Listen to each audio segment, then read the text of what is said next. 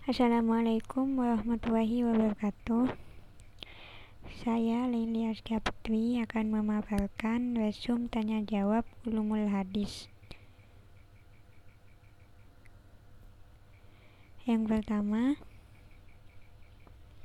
artinya sanat isnad secara etimologi yaitu adalah sandaran.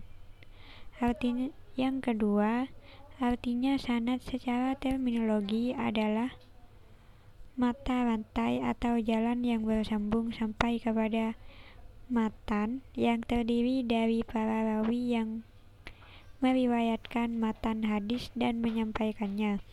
Yang ketiga, bagaimana pengertian dari ilmu rijalul hadis, yaitu ilmu yang berfungsi untuk mengetahui riwayat hadis.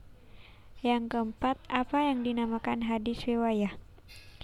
yaitu ilmu yang berfungsi untuk mengetahui hakikat sebuah riwayat, persyaratan, macam-macam hukum, dan situasi kondisi yang berkaitan dengan para perawi. Yang kelima, penjelasan tentang ilmu tofikul hadis, yaitu ilmu yang menjelaskan tentang cara-cara mengkombinasikan hadis-hadis yang secara apobir yang bertantangan dengan hadis. Padahal sejatinya hadis-hadis tersebut tidak bertentangan. Yang keenam, ilmu hadis terdiri dari beberapa kata yaitu ilmu, ulum, dan al-hadis. Yang ketujuh, bagaimana cara pemeliharaan hadis yaitu dalam bentuk hafalan, penulisan, dan pembukuan. Yang kedelapan, sebutkan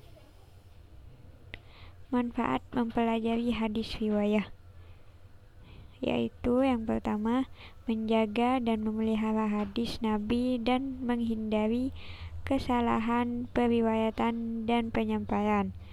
Yang kedua, ilmu hadis merupakan perantara dan media akan kesempurnaan kita dalam mematuhi dan mengikuti Rasulullah Shallallahu Alaihi Wasallam serta melestarikan ajaran-ajarannya.